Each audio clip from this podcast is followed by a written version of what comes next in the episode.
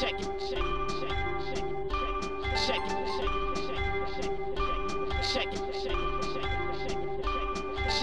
Zapraszamy na kolejny odcinek podcastu Codrive.pl, a w nim czekamy na potwierdzenie, ale wszystko wydaje się już pewne. George Russell w Mercedesie. Co na to Lewis Hamilton? Jak będzie funkcjonował Mercedes, gdy za kierownicą będą mieli dwóch Brytyjczyków? Jakie losy czekają Walteriego Bottasa? Zostanie w Formule 1, czy może obierze drogę rajdową? Dużo mówimy także o Maxie Verstappenie. Gerhard Berger porównuje go do Ayrtona Senny. Dlaczego? Sam Max za to mówi o wierze w byciu najlepszym. Porozmawiamy także o nowych oponach na sezon 2022. Pirelli zapowiada duże zmiany. Co wniosą do rywalizacji na torze? Dużą zmianą są także funkcjonujące już limity budżetowe. Aston Martin będzie skrupulatnie liczył każdego funta. Na koniec zapraszamy Was do Francji. Co przyniesie zbliżające się Grand Prix? Mercedes znowu będzie dominował? Czy Red Bull doskoczy do mistrzowskiej ekipy? Zapraszamy.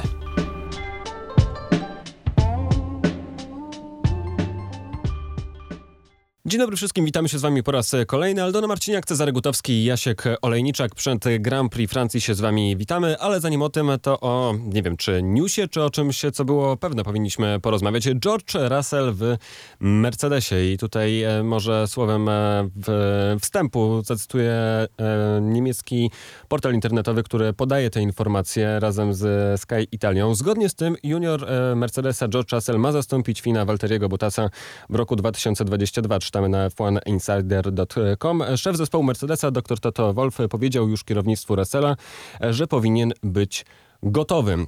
Więc co? Mamy George'a w Mercedesie w takim razie. Sensację mamy, nie? Znaczy, to jest oczywiście nie, nie potwierdzone oficjalnie w żaden sposób, tak? Więc to jest oczywiście czysta spekulacja, no ale nie możemy tutaj rzucać kamieniem jako pierwsi, że ktoś spekuluje, gdyż zdaje się o tym, że George Russell będzie w Mercedesie w 2021 roku, to żeśmy zaczęli rozmawiać e, po jego występie w Bahrajnie w zeszłym roku.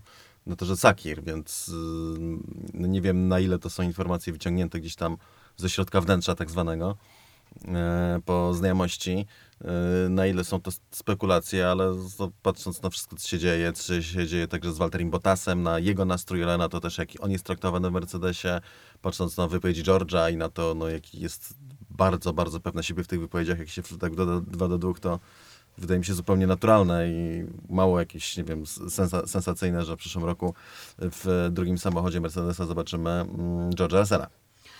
To jest taka tajemnica Poliszynela. Wydaje mi się, że w tę stronę to pójdzie, bo tak jak sobie wrócimy do nawet początków tego sezonu, to pamiętam, że w Hiszpanii chyba rozmawiając z George'em e, właśnie rozmawialiśmy o tym, że już mówi się, że to, e, że on zastąpi Walteriego Bottasa. George oczywiście bardzo kulturalnie do tego, do tego podszedł i nie chciał o tym rozmawiać. Mówił, że tutaj Williams jest jego zespołem, on się teraz koncentruje na Williamsie i tak dalej, i tak dalej.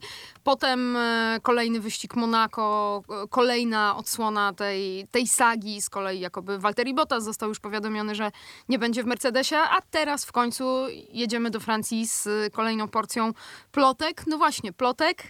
Wydaje mi się, że to jest taki scenariusz, który jest nieunikniony. Pytanie na tylko, co na to Sir Lewis Hamilton. Myślicie, że będzie dym w związku z tym? Bo tak patrząc na obecną kondycję Luisa, to wydaje mi się, że George Russell nie będzie dla niego wcale ułatwieniem.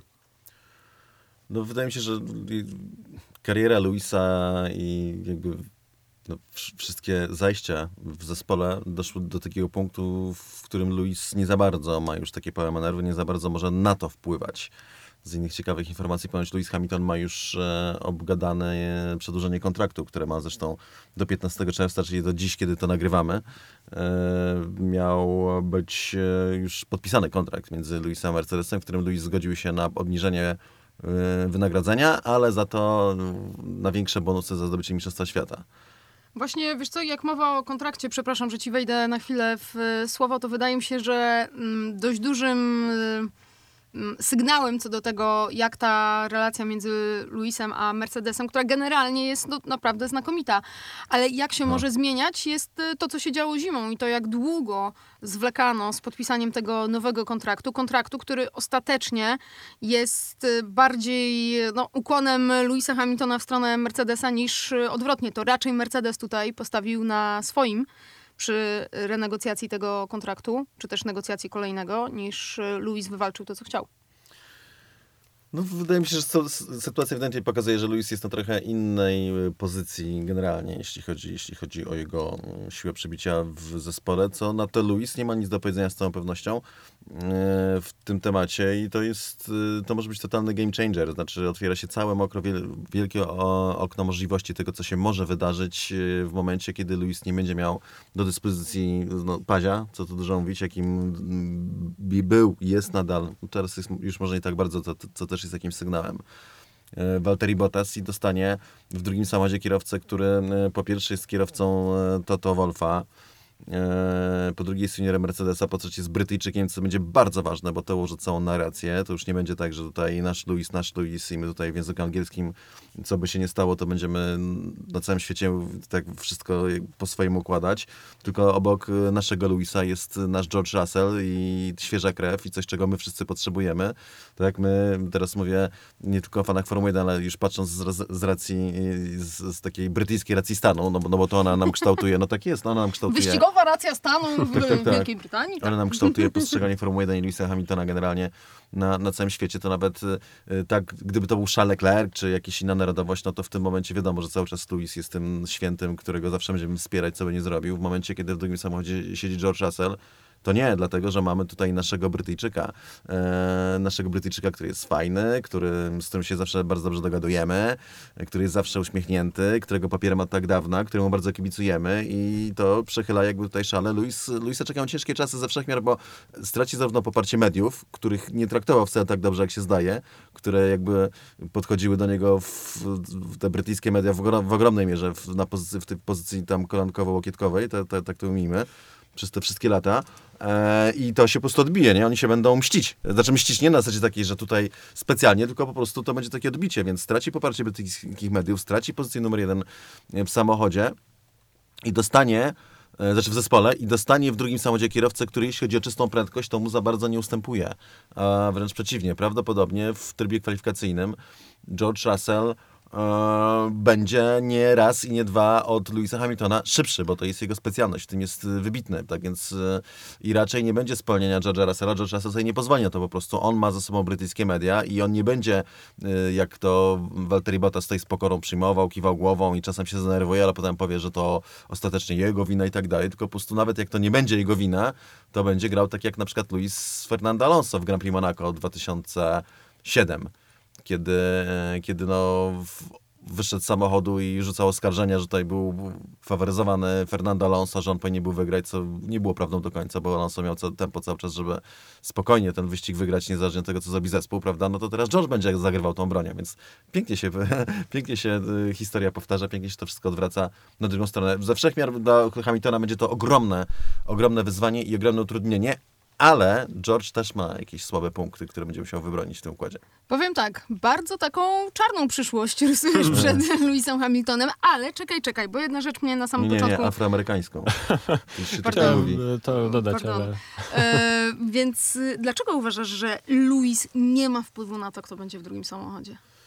Albo już nie ma. Albo już nie ma. Dlatego, że już, no wiesz, yy, wiek nie to nie. Wydaje mi się, że dlatego, że zmienił się ten układ w zespole i zmieniły się jego strefy wpływów. To znaczy, e, George ma za sobą ogromne, jeszcze raz ogromne wsparcie mediów brytyjskojęzycznych brytyjskich. To jest ogromna siła, to jest bardzo ważne. Naprawdę to jest bardzo ważne. Po prostu tak działa. Pi- Pierre ma ogromny wpływ y, na, na Formułę 1 i gdyby, jeszcze raz, gdyby tam przymierzano Charlesa Leclerca albo Maxa Verstappena, to te wszystkie te siły y, mediowe, takie od, od strony Sky'a przede wszystkim, który, no co tu dużo mówi, mówić, steruje narracją Formuły 1 globalnie, bo to jakby ich komentarze, ich materiały są puszczane na przykład w internecie, tak, na streamie w Formule 1, ale nie tylko no to y, w tym momencie miałby ich za sobą. Natomiast y, w momencie, kiedy ten fotel ma zostać przekazany George'owi Russellowi, czy jeszcze raz naszemu, naszemu Brytowi y, i Anglikowi, no to w tym momencie ogromną siłę przebicia traci Hamilton właśnie w postaci tego wsparcia medialnego, tej racji stanu jeszcze raz brytyjskiej, która no, zawsze go w, takich czy innych momentach wspierała. No dobra, i czy to będzie ten moment weryfikacji dla Louisa Hamiltona, czy jednak George Russell będzie na nie chcę powiedzieć straconej, ale w bardzo trudnej pozycji, no bo mówiliśmy nie raz, nie dwa o tym, jak się odnajduje w ruchu, o tym jego racecrafcie, o ściganiu na końcu stawki, bo jeśli chodzi o tempo kwalifikacyjne, no to wszyscy zgadzamy się, że nie mamy George'owi tak naprawdę nic do zarzucenia. Natomiast gdy przychodzi do ścigania, no to niewiele brakowało, a w zeszłym sezonie e, byłby sklasyfikowany niżej niż e, Nicolas Latifi. I powinien być, patrząc tylko na, na wyścigi w e, Williamsie, więc ma się czego obawiać ten Lewis Hamilton, czy nie? Ma się czego bać, jeśli chodzi o tempo kwalifikacyjne. Moim zdaniem wiele będzie zależało od tego, jaki będzie układ sił w innych zespołach po prostu, jak mocne będą inne ekipy. Więc y, Luis ma się czego bać jeszcze raz, jeśli chodzi o kwalifikacje, bo tutaj George w niczym mu nie będzie ustępował. Moim zdaniem prawdopodobnie będzie miał wręcz nad nim przewagę i to będzie problem od początku sezonu. Y, w trybie wyścigowym oczywiście po stronie Luisa będzie pałeczka, natomiast pamiętajmy, że teraz w momencie, kiedy Luis nie ma tego już najlepszego samochodu i nie ma, nie kontroluje największego rywala do mistrzostw, bo ten rywal nie siedzi w drugim bolidzie Mercedesa, tylko siedzi w, jakby w innej ekipie. W ten czas i Luis zaczyna popełniać błędy, więc tutaj i George i Luis y, są podatni na popełnianie błędów. Natomiast z punktu widzenia George'a to będzie rzeczywiście jedno wielkie sprawdzam, check, y, pod względem tego, na ile on potrafi się ścigać. I są rzeczy, które mu bardzo posłużą przynajmniej na początku jego startu w Mercedesie, e, ponieważ inaczej się ściga z tyłu stawki i w środku stawki, czyli tam, gdzie George regularnie traci punkty, e, a inaczej z przodu stawki, czyli w momencie, kiedy walczymy o czapkę gruszek albo ewentualnie jakąś e, rozpaczliwą szansę, e, w ten czas rywale inaczej postępują i w, w tym momencie ryzyko stracenia pozycji jest większe. Co więcej, e, no, nie możesz zagrać tak, jak sobie pojechał George Russell z Bottasem na torze Sakir, kiedy no, no, i to było bardzo, co to dużo mówić, manewr wyglądał pięknie, ale z punktu widzenia persona, personalnego po prostu bardzo źle zagrał z Bottasem, zamiast go wyprzedzić kawałek później, po prostu w, w sposób wyprzedził go, korzystając z ogromnej pr- prędkości samochodu w miejscu, gdzie no, no, Bottas był zmuszony do ustąpienia, bo jakby się zderzyli, no to oczywiście większa część winy spadłaby na Bottasa, do tego jest przyzwyczajony. Więc e, to już będzie inna, e, inna sytuacja trochę w czołówce, prawda? Z tyłu nie mógł robić takich rzeczy, bo po prostu większość kierowców, czy to e, dlatego, żeby go nie zauważyli, czy to dlatego, żeby po prostu mu nie ustąpili, po prostu by się zderzyła z nim w takim momencie.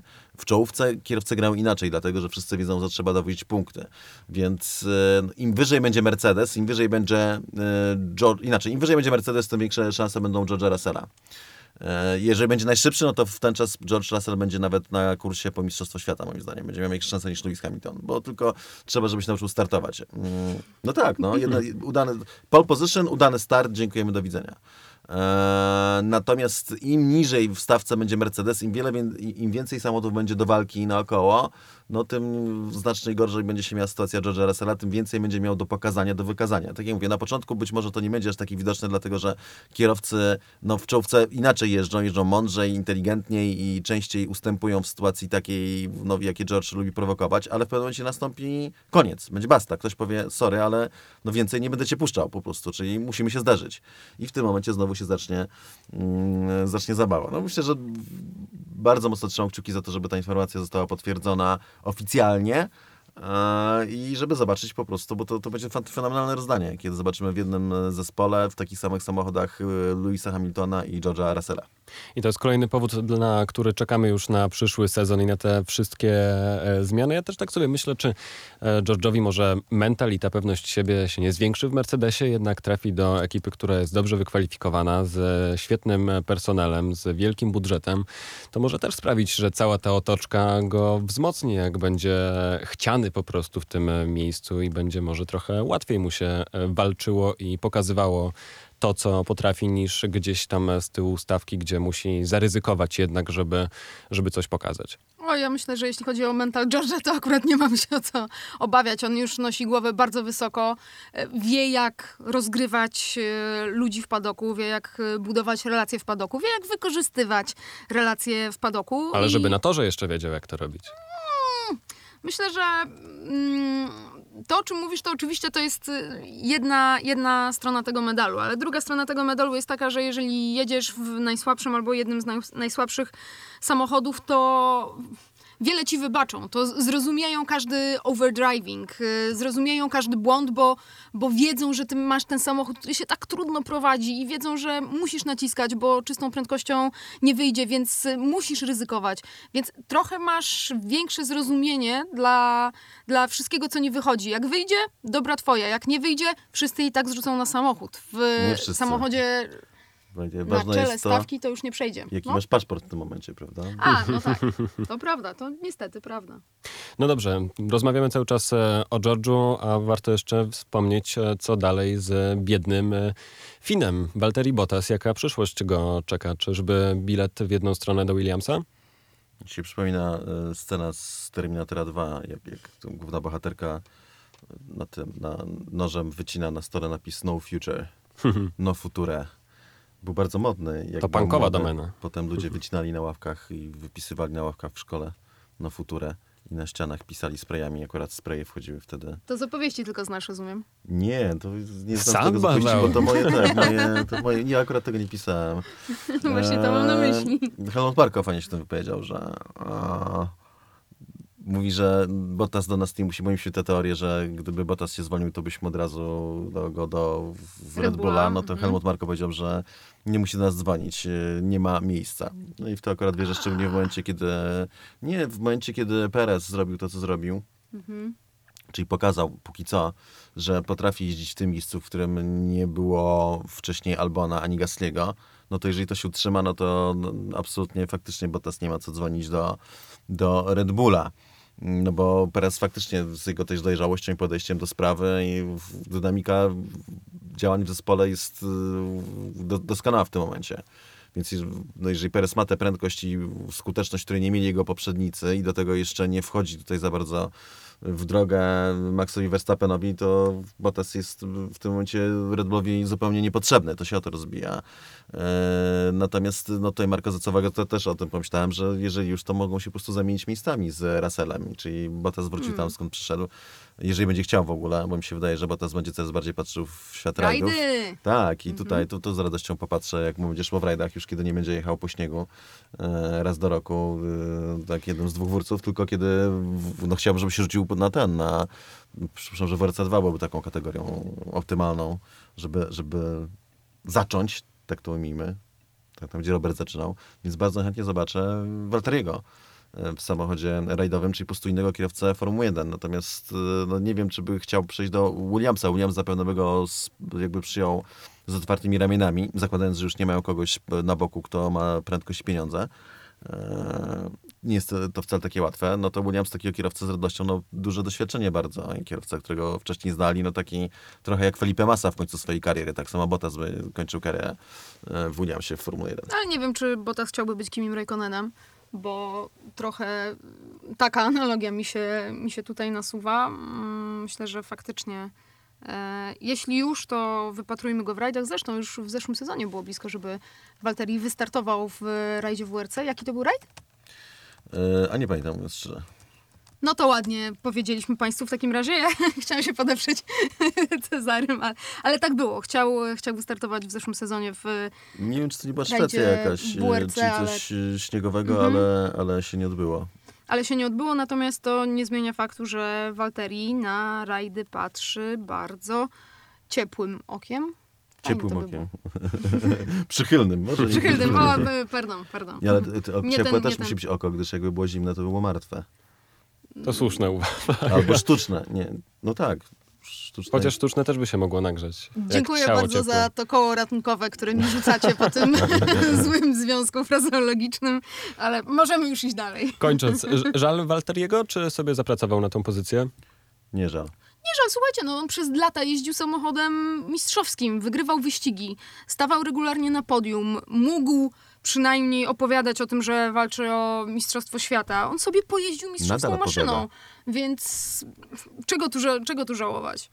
To w takim razie wysyłamy Walteriego na wyścigową emeryturę. Niech mu się w rajdach e, wiedzie i skupmy się na młodych e, kierowcach. Gerard Berger o Maxie Verstappenie bardzo przychylnie e, się wypowiada i porównuje go do, uwaga, Ayrtona Senny. Więc tutaj temat jak zawsze musi być gorący, bo ktokolwiek porównywany do Ayrtona e, musi być dobrze zweryfikowany. A co, co mówi Gerard Berger? W wieku zaledwie 23 lat wciąż ma potencjał Max, by dorównać, a nawet przewyższyć Sennę w rekordzie sześciu zwycięstw w Monako. Jestem zachwycony, że mogłem pomóc mu zrobić ten e, krok. E, Na starcie w Baku był bardzo ostrożny jak na swoje możliwości, ponieważ wiedział, że w swoim bolidzie w Baku może dobrze wyprzedzać. On wie dokładnie co robić, bo na przykład w Monako start może zadecydować o wyścigu, dlatego poszedł tam dużo bardziej agresywnie. Więc e, Gerard tutaj mówi, że wręcz jest już bardzo inteligentnym i dojrzałym kierowcą Max. Ale czy to jest Ayrton Senna? To oczywiście mm, do wyobraźni przemawia to, to Monako, bo wiecie, są, są różne rekordy w Formule 1, można mówić o Mistrzostwach Świata, można mówić o liczbie zwycięstw, ale zawsze Monako będzie czymś wyjątkowym i jednym z elementów legendy Ayrtona Senny w ogóle jest e, to, jak e, tam jeździł. Jest to słynne okrążenie kwalifikacyjne, po którym on sam mówił, że, że był w, jakim, w jakimś transie, że mógłby, mógłby jechać dalej, nie do końca wiedział, e, co się tam dzieje, bo, bo, bo jechał jak zahipnotyzowany, jechał fenomenalnie. Więc y, wygrana w Monako to jest zawsze coś, y, coś szczególnego. Teraz po raz pierwszy doświadczył tego Max Verstappen, który nigdy tutaj wcześniej nie był na podium. Tak naprawdę powinna być to jego druga wygrana, biorąc pod uwagę formę Red Bulla i to, co się działo na tym torze w poprzednich y, latach. Czy będzie w stanie pokonać, pobić ten rekord Ayrtona? Oczywiście, że, że może. Jest cały czas bardzo młody, a jest w czołowej ekipie. Natomiast y, no, nie Monako, chociaż to tak ładnie brzmi, no ale to nie Monako będzie, będzie budować y, legendę Maxa Verstappena. Ja bardzo nie lubię tego typu e, porównań kierowców generalnie i uważam, że no, Senna był tylko jeden i, i tyle. I już drugi się nie narodzi. Pamiętam, jak Lewis Hamilton się tak no, po- powoływał. Mianował. Tak, tak. Mianował się wręcz tak następcą Senny. E, Dziedzicem spuścizny po, po Sennie. Przepraszam, no, ale że, że, tak, może to brzmi jakoś brutalnie, ale, ale, ale szczerze to było śmieszne dość. Natomiast no, jeżeli już chodzi o to zestawienie i, i to Grand Prix Monaco, no to Ayrton Senna swoje pierwsze podium w Formule 1 zdobył e, w swoim pierwszym sezonie w Formule 1 w Grand Prix Monaco deszczowym. I on ten wyścig by wygrał, gdyby wyścig nie został przerwany na czas przez dyrektora wyścigu Jackiego Xa. E, Max Verstappen debiutował w Formule 1 w 2015 roku, czyli mamy 15, 16, 17 no i tak możemy sobie liczyć. W zeszłym roku nie było Grand Prix Monaco, więc sobie możemy odliczyć, ile czasu zajęło Maxowi Verstappenowi, zanim stanął na podium w Grand Prix Monaco. To oczywiście ma różne przyczyny.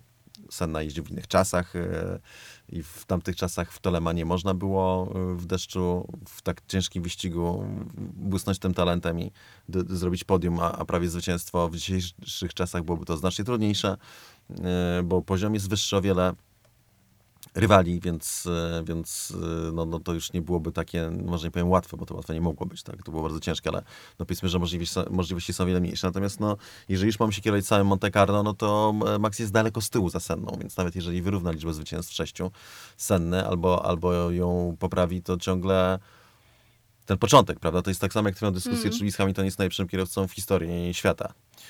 No, ja zawsze jestem na nie, także nie jest najlepszym, jest jednym z najlepszych, nie jest na nie. Jak ktoś powie, że no jak to tutaj 100 wygranych wyścigów y, i pole position i 7 tytułów mistrza świata, no to no, ostatecznie ja zawsze będę patrzył na kierowców przez pryzmat nie końcówki kariery, czy nie przez pryzmat ostatniego wyścigu, tylko przez pryzmat całej kariery. No i w, jakby w, przy- w przekroju całej kariery Lewis Hamilton no, popełniał mnóstwo błędów i stracił dużo. Stracił minimum jeszcze jeden tytuł mistrza świata, choć ten pierwszy, który rok później zdobył, no to z kolei odzyskał fartownie. No ale generalnie rzecz biorąc, stracił minimum jeden tytuł e, mistrza świata, przegrywał z kolegami z ekipy różnymi, przegrał tytuł z Rosbergiem w jednym sezonie, więc no nie, no sorry, ale to nie jest kierowca taki... e, Ayrton Senna nie ma takich problemów z kolegą z ekipy.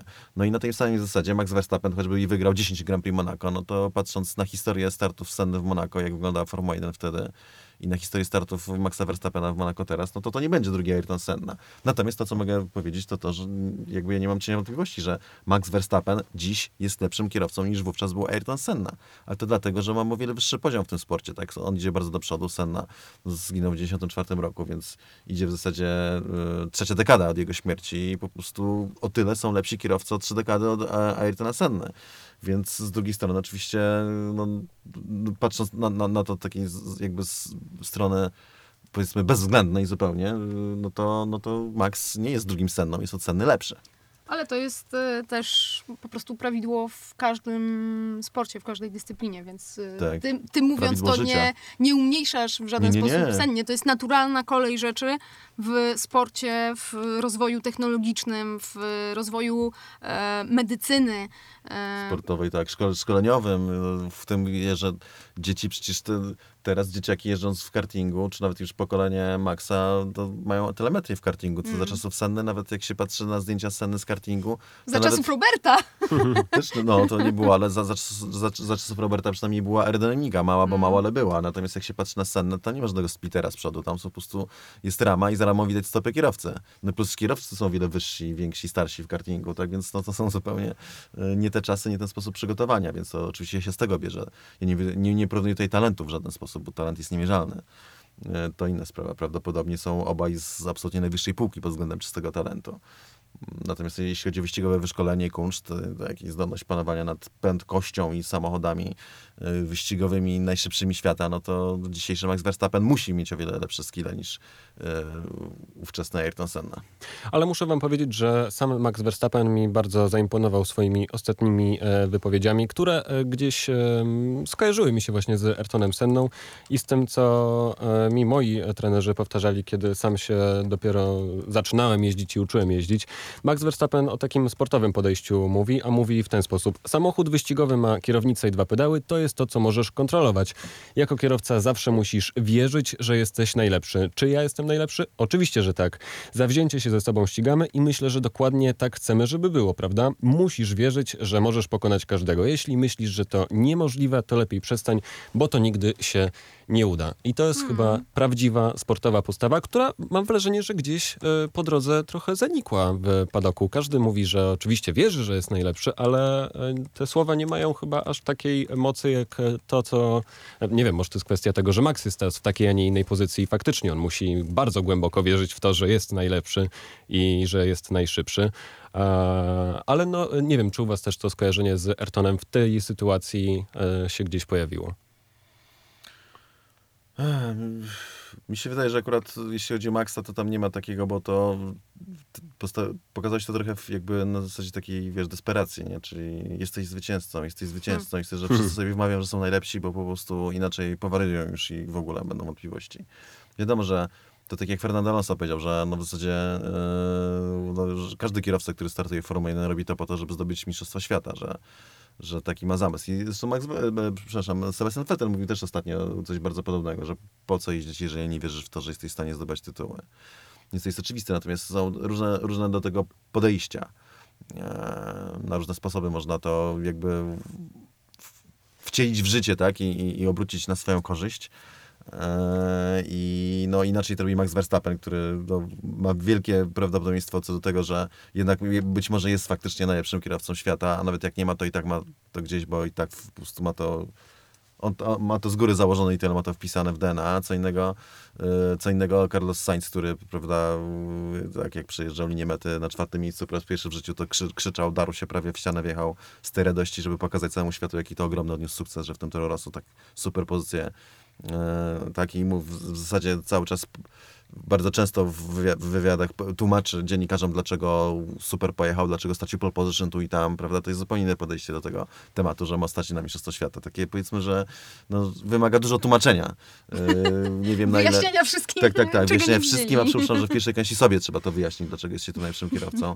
Inaczej to wygląda w przypadku Louisa Hamiltona, który no, On, I on, i jego otoczenie przede wszystkim, tak? Ma- Ma- Maxowi, jak, jak, jak negują Maxa, ludzie, no to on po prostu macha ręką, tak? I po arogan- arogancji sposób i mówi, że nie mają, nie wiedzą, czym mówią. Luis ma tak zrobione otoczenie wokół siebie, że wszyscy naokoło muszą mu mówić, że jest najlepszy. E, Że wszyscy muszą tłumaczyć, jak popełnia błędy, muszą tłumaczyć, że błędy popełnił palec, więc, więc to jest znowu jakiś inny rodzaj, y, jakby mechanizm jest taki sam, potrzeba jest taka sama, ale fundament jest inny, tak? I tutaj Max, jeśli chodzi o tę wiarę w siebie i w swoje umiejętności, no pod tym względem jest jednym z najmocniejszych kierowców. E, Zresztą tak samo jak, wydaje mi się, że Charles Leclerc podobnie, chociaż Charles cały czas mówi o tym, że się poprawia, że cały czas mówi o swoich błędach, nazywa się głupkiem, jak popełnia błędy, więc tutaj też powiedzmy, no, ka- każdy ma trochę inne podejście, natomiast cel oczywiście jest taki sam. Aczkolwiek nie wiem, czy, czy taki Nicolas Latifi, chociaż no, nie, Latifi chyba też wie, że jest najlepszy, tak się wydaje. Ale oprócz tego, że jest, e, że Max ma takie, a nie inne podejście, to Sergio Perez zdradza, że też jest bardzo pracowitym e, gościem. Podkreślam, Max jest ogromnym e, talentem. Od pierwszego okrążenia w FP1 do ostatniego okrążenia w niedzielę jedzie na 110%. Widać u innych kierowców, że mają gorsze dni. On tego nie ma i pracuje na bardzo wysokim poziomie cały czas. Jestem bardzo szczęśliwy, że mam w nim takie odniesienie. Więc co, no Max oprócz tego, że wielki talent, no to też cały czas jest zapracowany i jest, daje z siebie wszystko. No, Max jest przyzwyczajony do tego. Myślę, że Jos przyzwyczaił go od najmłodszych lat do pracy pod cel, do pracy, która wymaga bardzo wielu wyrzeczeń i mm, która jest taką pracą nieustanną. Z, z drugiej strony Perez wydaje się też taki dobrze... Wydaje się, że się dobrze odnajduje w tym środowisku tak zdominowanym przez y, Maxa, ale nie tylko Maxa, bo przecież tam jest też jego tata. Pokażcie mi innego tatę, który się cały czas regularnie pojawia w padoku. W pewnym momencie wielkim załamaniem w karierze Louisa Hamiltona było, gdy relacje z y, papą Antonim się pogorszyły, gdy ostatecznie przestał e, przyjeżdżać. Był też taki moment, gdy Jos został poproszony przez Red Bulla, żeby się na chwilę przestał pojawiać. Ale no, na przykład Carlos Sainz senior nie pojawia się w padoku, więc e, to jest nie tylko Max, to jest też Jos i ta cała mm, otoczka, ta siła ich y, charakterów, a Sergio Perez y, tak trochę, mm, nie wiem czy się tym nie przejmuje, może ma, e, może ma doświadczenie, będąc y, w Meksyku wychowanym albo może wystarczająco czasu też spędził w e, teamie zarządzanym przez e, ojca swojego kolegę z zespołu, e, więc, więc dobrze się w tym odnajduje. To cały czas jest mm, ciekawe, w jaki sposób oni obaj się wspierają i Verstappen Pereza, widzieliście te obrazki po, po baku, jak Verstappen przyszedł, przerwał wywiady Perezowi, żeby mu pogratulować, a Perez od razu powiedział, że to zwycięstwo tak naprawdę było Maxa, więc tam na razie wszystko, jeśli chodzi o Maxa i jeśli chodzi o Sergio Pereza, e, działa jak w zegarku. Mi się wydaje, że tutaj jest bardzo dużo takiej mądrości i pokory Pereza e, w tym wszystkim.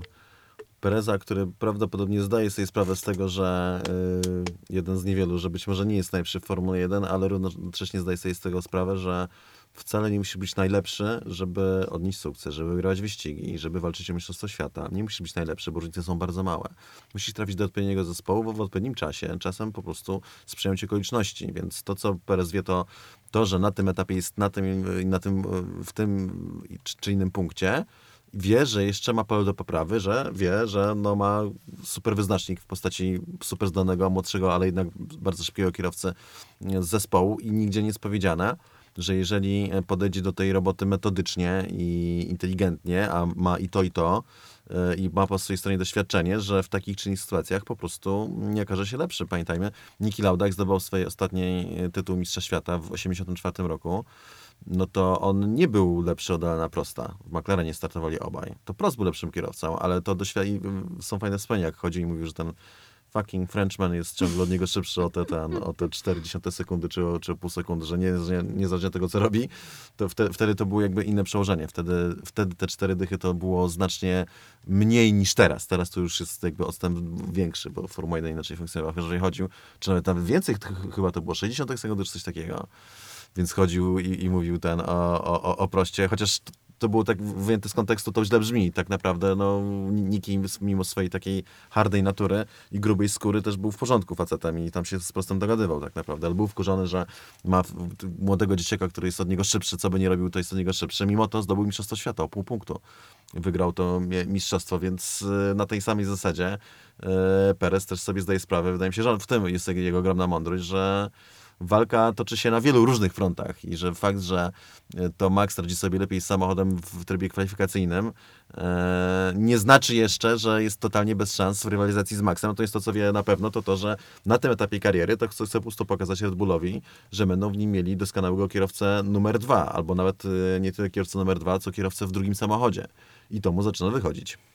Powiedziałeś, że walka toczy się na wielu różnych e, frontach i jedną ze składowych całej rywalizacji w Formule 1 są e, opony, które ostatnio okazały się, że lubią e, wybuchać. W przyszłym roku oczywiście będziemy mieli inne opony, bo 18-calowe i Mario Izola, szef Pirelli, trochę nam opowiedział, jak, jak, będą, jak będzie wyglądał przyszły sezon, jeżeli chodzi o ogumienie. W przyszłym roku to będzie inna historia, gdy zapro- zaprojektujemy nowe 18-calowe opony o innej charakterystyce. Mniej się przegrzewające i mniej podatne na degradację. Wszystko będzie wyglądało inaczej. Wiemy, że w obecnych samochodach, które są bardzo, bardzo szybkie, nawet jeśli są dużo cięższe w porównaniu do przeszłości, opony są bardzo obciążone, co powoduje ich degradację. Ponadto, kiedy jedziesz ze innym samochodem, tracisz siłę e, docisku, a to jest dodatkowy element. Pracujemy więc razem z FIA i FOM, aby mieć inną sytuację na przyszły rok. Jestem pewien, że jeśli nie traci się siły docisku, gdy jedzie się za innym samochodem z oponami o innej charakterystyce, to możemy osiągnąć cel. Więc plany są bardzo ambitne i brzmi to trochę tak, jakby w końcu ktoś miał być zadowolony z tych opon. Wierzę, jak zobaczę. No, mam bardzo podobnie, aczkolwiek e, tak jak rozmawialiśmy z Robertem, chyba razem rozmawialiśmy po, tak. Tak. po testach, e, jak przejechał, tak, jak przejechał w Barcelonie Barcelonie. dwa dni testów e, i potem się widzieliśmy w Austrii, dobrze pamiętam, Tak. to było na Rebullingu.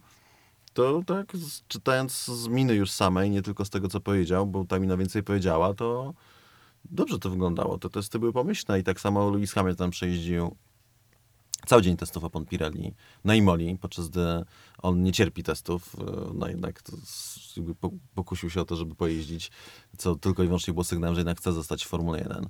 E, I Hamilton też był zadowolony, to pierwszy krytyk opon taki otwarty. Zresztą co całkiem słusznie i fajnie, że wykorzystuje swój autorytet mistrza, żeby mówić te rzeczy, których albo inni kierowcy się trochę boją, albo zazwyczaj a, a, nie, no zazwyczaj o to chodzi po prostu, tak? Bo nie powinno się głośno krytykować e, partnera technologicznego Formuły 1, a Luis to robił regularnie. Zresztą, a, ale zaczął to tak naprawdę sobie ten Vettel. Luis pociągnął temat. Tak więc tutaj super, że wyciąga ten autorytet, autorytet mistrza i nagle wraca z całego dnia testów na torze Imola i mówi, że mm, nie było całkiem nieźle, tak? Że tak czytamy w, tro, trochę między wierszami, że on chce w tej Formule 1 zostać. Na pewno gdyby opony były słabe, to by nie chciał. E, To, to, to by nie, nie myślał o tym w, te, w ten sposób, by to tak nie było przedstawiane. Więc y, jest wielce prawdopodobne, że, mm, pro, że, że profil opon niższy sprawi, że Pirelli będzie sobie mogło lepiej poradzić z tym, z czym jak dotąd radziło sobie słabo.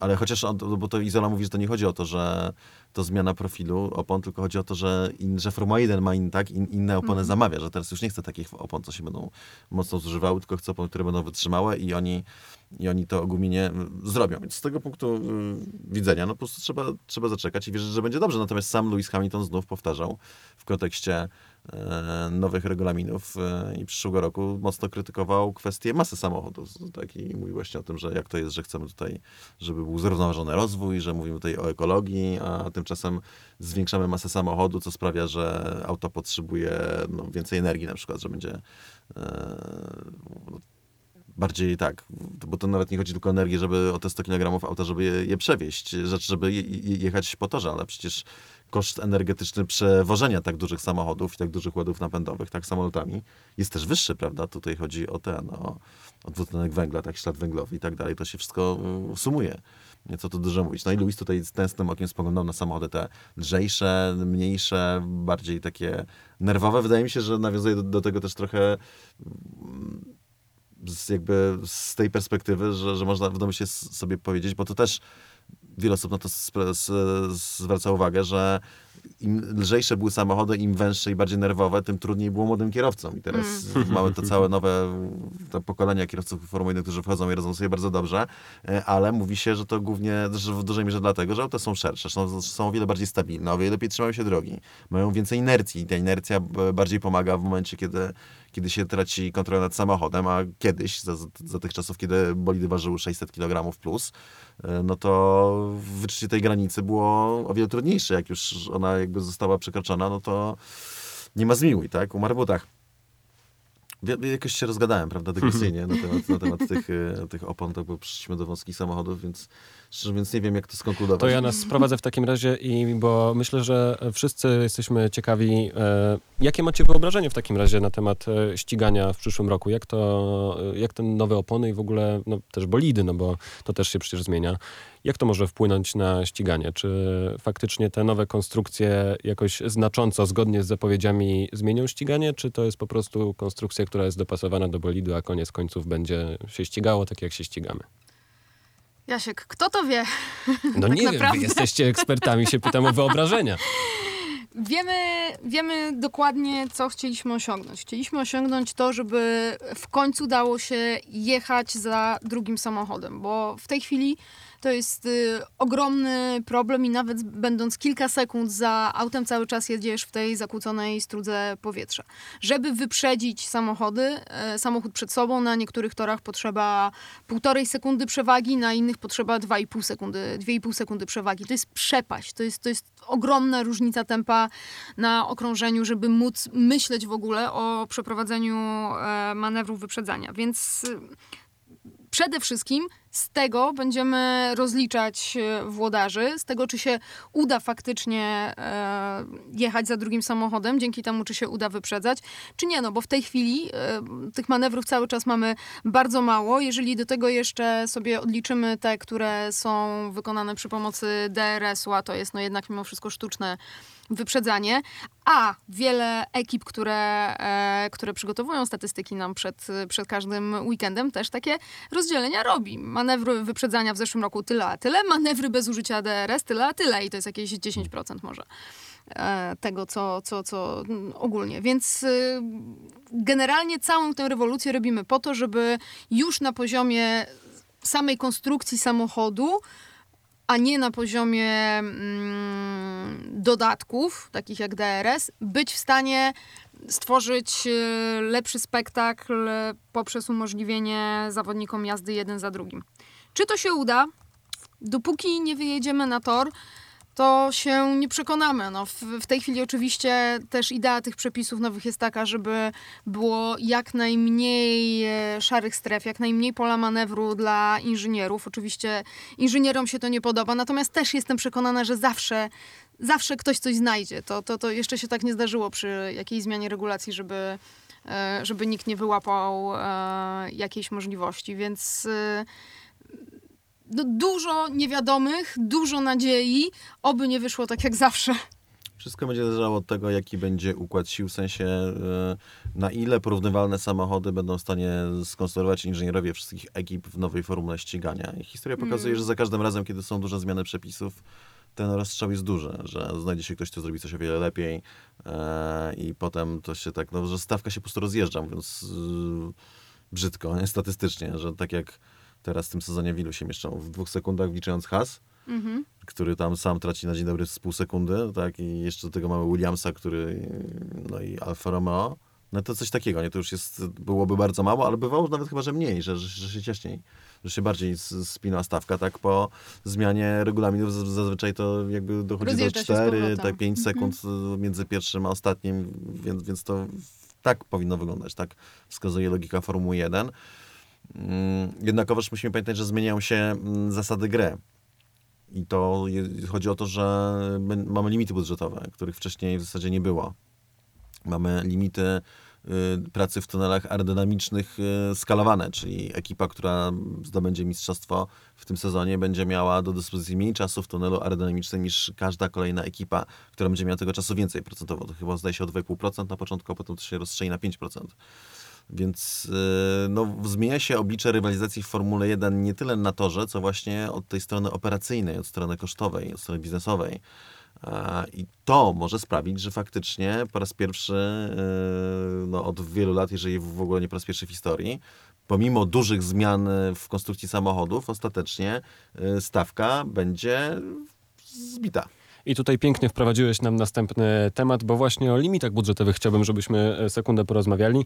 E, Robert Ward, e, dyrektor finansowy Astona Martina, właśnie odnosi się do limitów budżetowych i zapowiada, że to będzie potencjalnie kolejna arena, na której zespoły będą się musiały między sobą zmierzyć. Wielka trójka Mercedes, Red Bull i Ferrari musi się dostosować i zejść niżej, podczas gdy my planujemy nasz rozwój, aby być zgodnie w zgodzie z limitem. Myślę, że w ciągu najbliższych kilku lat, gdy limit spadnie do 135 milionów dolarów w 2023 roku, wszystkie zespoły będą do niego dorównywać, a wtedy pole bitwy będzie polegało na tym, kto najlepiej wydaje pieniądze. W końcu okaże się, kto wie, na co wydaje te pieniądze, kto ma najlepszy stosunek funta do czasu okrążenia, kto ma rację i kto upewnia się, że najlepiej wykorzystuje swoje aktywa. Tutaj oczywiście jeszcze Robert mówi o danych, o tym, jak będą wykorzystywane przepisy i ile pracy będzie e, nad bolidami, ale faktycznie to będzie aż tak duża e, zagwostka logiczna, wręcz bym powiedział, i księgowi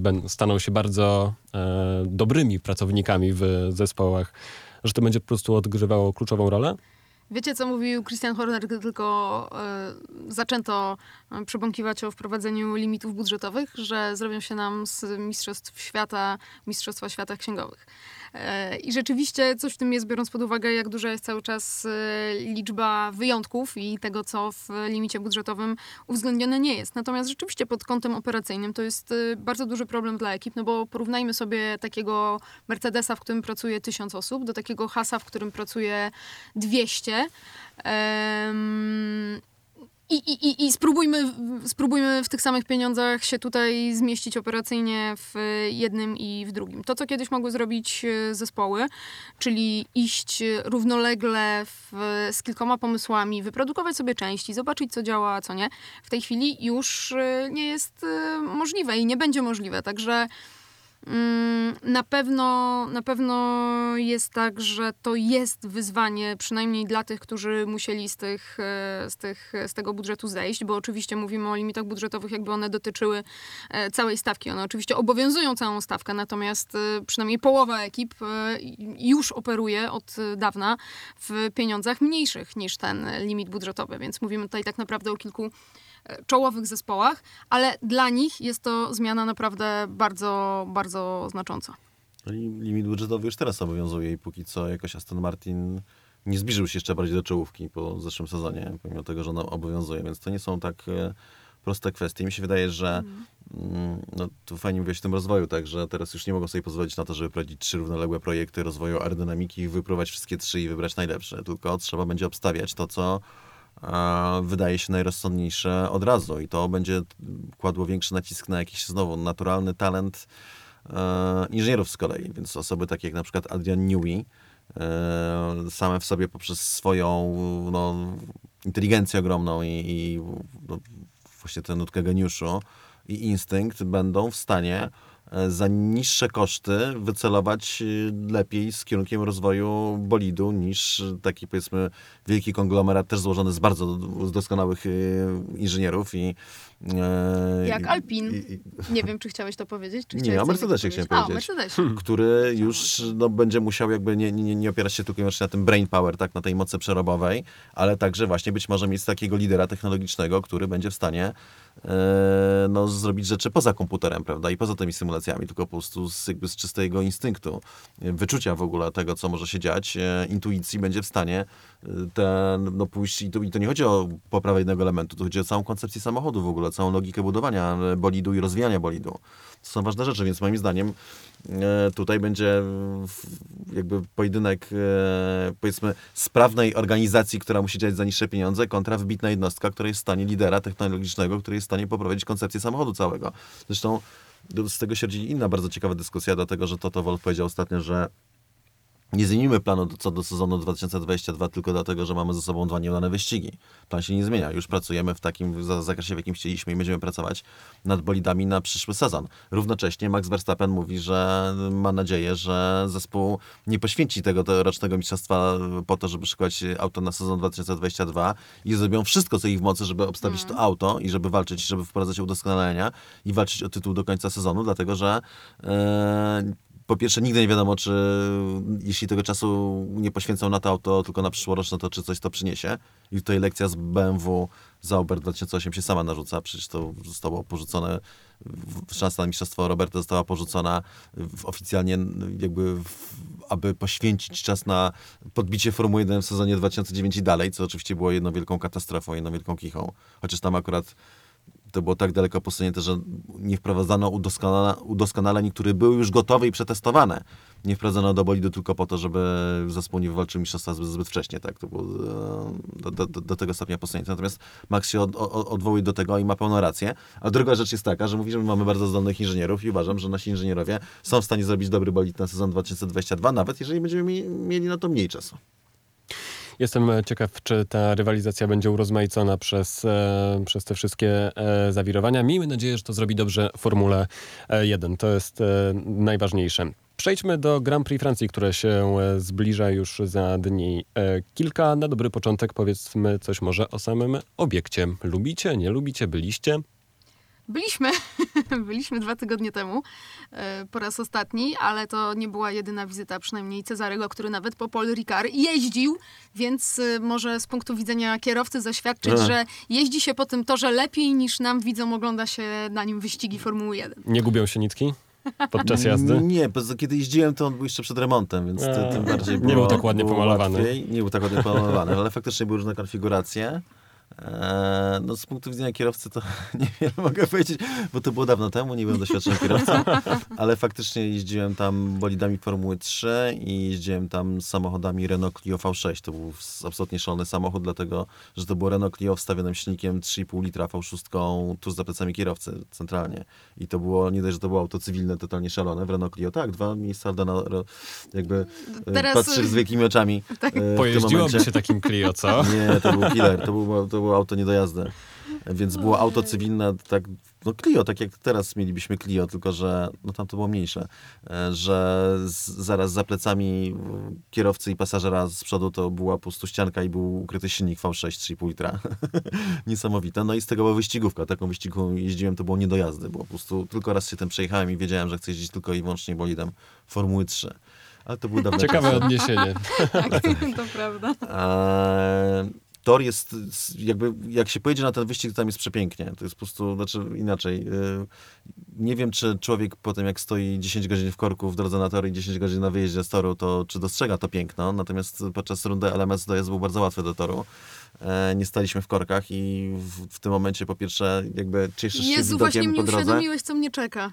Nie no, teraz ma być lepiej, będzie tylko 15 tysięcy kibiców na trybunach, a nie, a nie 80 tysięcy, czy tam chyba 60 jest Aha, czyli nie, nie, nie, Nie 10 godzina godzin, w korku, tylko- nie tylko- 10 godzin, tylko, tylko 3 na przykład. Tak, tak, tak, tak. to dobrze. Nie lepiej. Nie, oni też Pięknie. popo- poprawili drogi dojazdowe. Więc y, tor jest przeładny i bardzo fajnie się też obserwuje wyścig y, z miejsca. Znaczy na trybunach nie byliśmy akurat, ale jakby się szło wokół toru, to jest super fajnie. Jak jest dobra pogoda, bardzo ładnie to wygląda. Do tego obok e, lotnisko, więc e, takie Tak, tak. e, Komunikacyjne. ciekawe, tak, ciekawe, ciekawe obrazki, bo tutaj no, obok wzdłuż głównej prostej idzie samochody, a y, tutaj nagle. A tutaj nagle startuje samolot y, turbośmigłowy albo ktoś na motolotni, a normalnie tam mogą lądować odrzutowce. I lądują też, tylko że tam tylko te małe, jakby, nie wiem czy widziałeś jakiś duży, ja, ja tam widziałem małe. No, to jest akurat Słyszałam jeden duży. z A.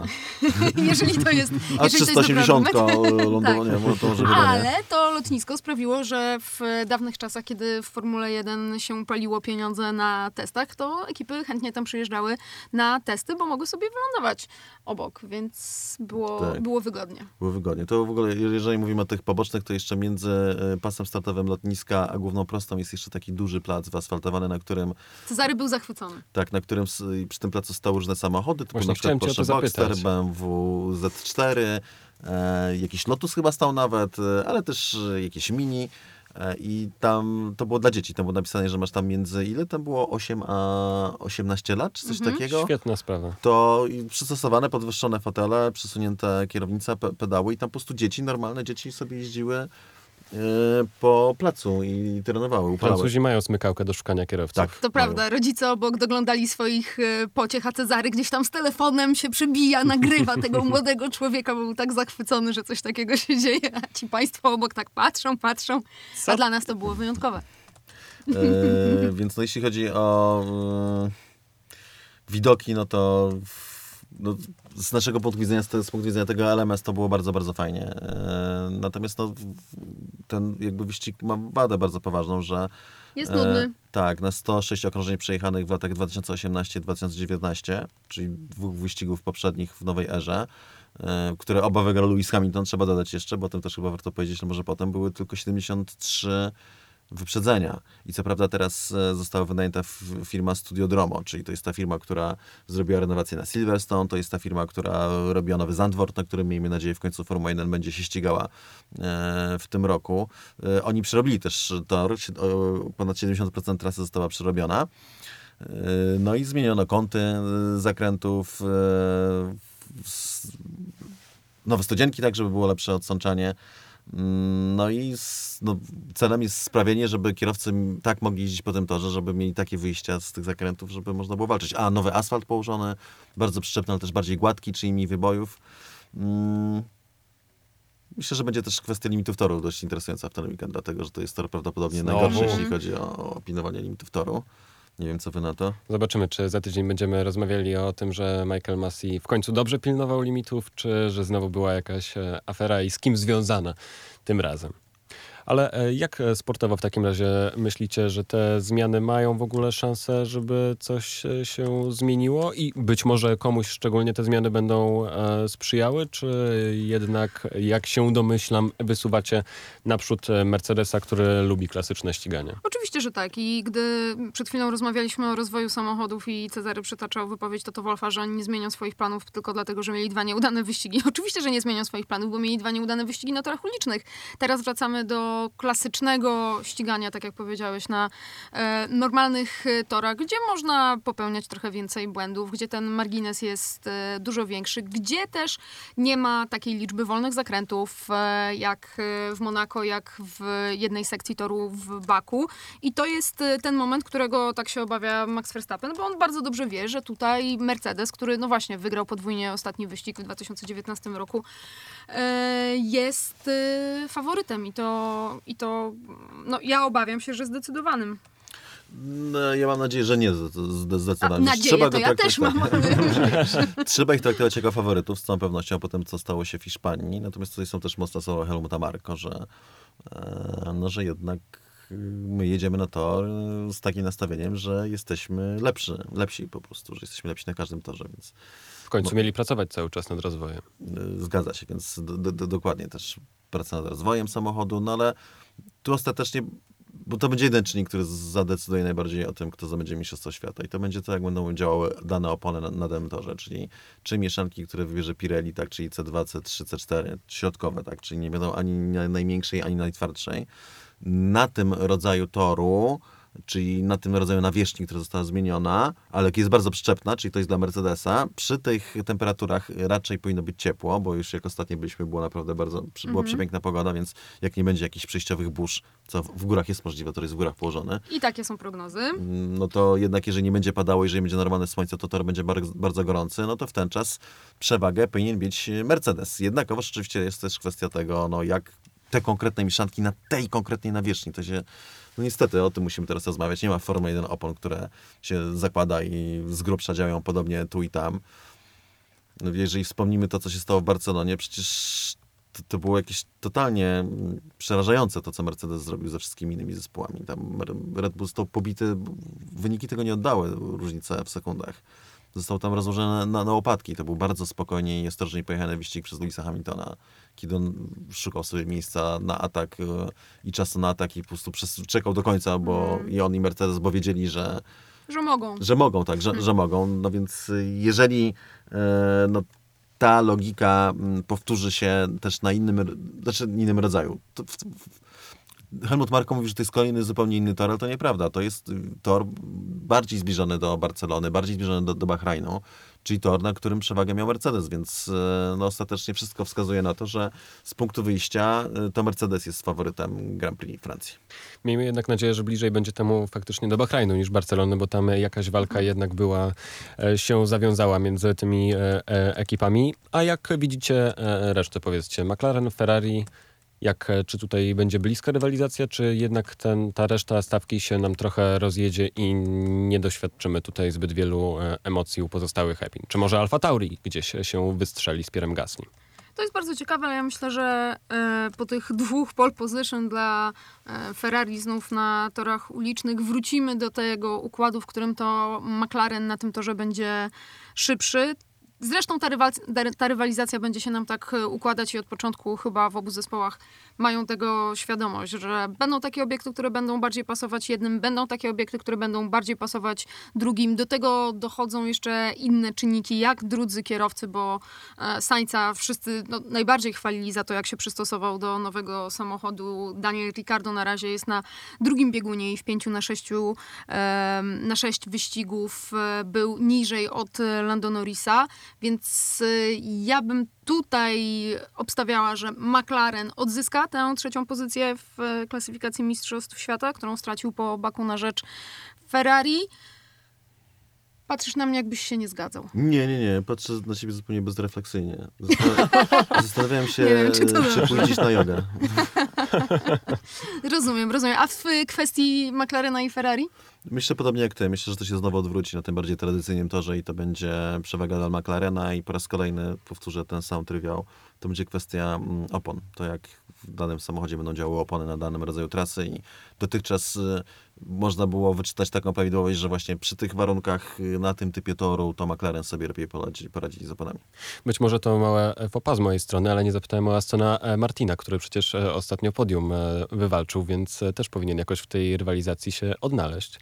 No bo akurat Aston Martin to jest dla mnie taki potencjał na zmienną, w sensie, że, y, że tu się może okazać, że oni się trochę podciągną względem, bo znowu na tradycyjnych torach oni byli dość daleko z tyłu, ale myślę, że to był też ciężki początek sezonu, bo problemy na testach, Vettel prawie nie jeździł na testach, więc teraz złapie wiatr w skrzydła, bo ma ze sobą dwa dobre wyścigi, a to zawsze dobrze działa na, na kierowcę i po, pomaga dalej, więc myślę, że jeśli chodzi o środek stawki, tutaj może się zagęścić sytuacja i że Chociaż trzeba powiedzieć, że akurat Ferrari, no dwa pole position, co tu dużo mówić, to jest naprawdę super, e, super predyspozycje do tego, żeby walczyć o trzecie miejsce w mistrzostwach.